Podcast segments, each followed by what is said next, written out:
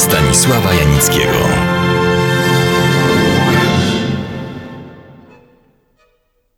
Przed tygodniem przedstawiłem Państwu dawny, z 1929 roku, zapomniany, a świetny film Białe piekło Pizz Palu.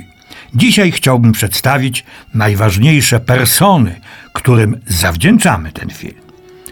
Reżyserów było dwóch: Arnold Funk i Georg Wilhelm Pabst. Tego drugiego już znamy, bo prezentowałem go omawiając film Puszka Pandory oraz jego odkrycie aktorskie piękną i utalentowaną Louisę Brooks. Arnold Funk nie jest reżyserem z pierwszych stron gazet, choć był jednym z pierwszych twórców filmów górskich. Był Niemcem, wykształconym geologiem. Po I wojnie światowej zainteresował się filmem. Najbliższa była mu oczywiście tematyka górska. Sam świetnie i z pasją jeździł na nartach i wspinał na trudne i niebezpieczne szczyty. Wraz z przyjaciółmi założył we Freiburgu wytwórnię dokumentalnych filmów górskich, sportowych i narciarskich. Jego najbliższym współpracownikiem był wspomniany już operator Sepp Allgeier. Najczęściej robili zdjęcia w Alpach, w Engadynie, Cermacie, Arlbergu i masywach gór Mont Blanc i Piz Palu. Najgłośniejsze jego filmy to Święta Góra z 1926 roku, Białe Piekło Piz Palu, Burze nad Mont Blanc 1930 czy SOS Góra Lodowa 1933 rok. Ten ostatni kręcili w Szwajcarii i na Grenlandii. Kiedy naziści doszli do władzy, zaczęły się kłopoty Arnolda Fanka. Naraził się ministrowi Goebbelsowi, ponieważ odmówił wstąpienia do partii NSDAP. Ucieczką była realizacja filmu we współpracy z Japonią. Córka samuraja. Wrócę jeszcze do tego. Wobec trudnych warunków życiowych, przede wszystkim finansowych, podjął się jednak realizacji filmów na zamówienie, między innymi dokumentu ocenionym przez władze rzeźbiarzu Arno Breckerze. Po wojnie nie pozwolono mu zrobić żadnego filmu. Pracował jako drwal. Przypomniano sobie o nim po latach, kiedy na festiwalu filmów górskich w Trydencie pokazano jego świetny film Wieczny sen, a raczej Wieczne marzenie, drugi tytuł Król Mont Blancu. Żeby mieć za co żyć, sprzedał prawa do części swych filmów przyjacielowi i stacjom telewizyjnym. Arnold Funk zmarł w 1974 roku we Freiburgu. To jest Odeon Stanisława Janickiego w RMF Classic. Dramatyczne były losy samego filmu. Ale najpierw dopowiem, co dokładnie działo się podczas zdobywania pizz Palu, bo cytowana przedwojenna recenzja ujmuje to zbyt enigmatycznie. Młode małżeństwo, Karl i Maria, świeżo po ślubie, razem z doktorem Kraftem, obsesyjnie szukającym swej żony, która 10 lat temu zginęła podczas wyprawy z mężem, ruszają, by zdobyć szczyt Piz Palu. Trafiają na straszliwą burzę śniegową, zostają przez nią uwięzieni na małej, oblodzonej skalnej półce. Co więcej, Karl łamie nogę. Doktor Kraft oddaje mu swą kurtkę. Zapada noc. Karl przeżywa do rana, natomiast doktor Kraft umiera.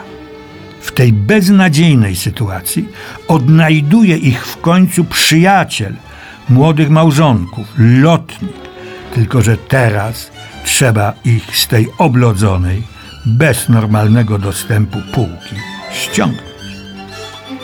Tego lotnika, dokonującego cudów pilotażu i akrobacji, grał Ernst Udet. Grał właściwie siebie. Drugi, po czerwonym baronie Manfredzie von Richthofenie, as lotnictwa niemieckiego w czasie I wojny światowej, odniósł 62 zwycięstwa powietrzne. Miał zaledwie 20 lat. Ernst Udet w życiu prywatnym, jak to określano, światowy playboy, szastający pieniędzmi, których mu nie brakowało, na piękne kobiety, dobre alkohole i burzliwe życie towarzyskie. Otóż on przyjaźnił się też z ludźmi kina, między innymi z Leni Riefenstahl, z którą wystąpił w trzech filmach. Bez niego nie byłoby tych filmów, albo byłyby zupełnie inne. W 1933 roku za namową feldmarszałka, też pilota i szefa hitlerowskiej Luftwaffe, Hermana Göringa, Ernst Udet wstąpił do partii NSDAP. Pełnił różne funkcje w lotnictwie.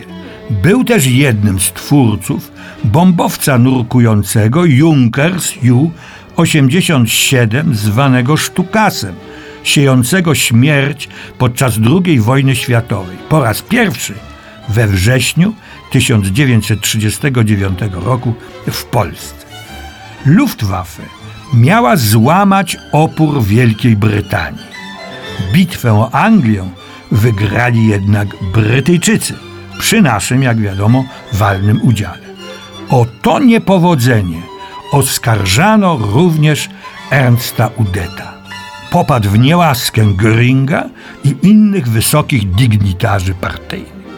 17 listopada 1941 roku Ernst Udet strzałem z pistoletu popełnił samobójstwo. Hitler, który był wielbicielem Udeta, asa niemieckiego lotnictwa, odznaczonego w czasie I wojny najwyższymi niemieckimi odznaczeniami wojskowymi, zarządził jego państwowy pogrzeb. Wszystkie hitlerowskie gazety i rozgłośnie rozgłaszały fałszywą wiadomość, że Udet zginął podczas testowania nowego typu samolotu. Słuchacie Odeonu Stanisława Janickiego w RMF Classic. Białe piekło Pizzpalu cieszyło się ogromną popularnością. Krytycy chwalili, a publiczność głosowała nogami. W 1935 roku sporządzono dźwiękową wersję i skrócono film do 90 minut. Na żądanie hitlerowców zmieniono też nazwisko jednego z głównych bohaterów, Karla Szterna.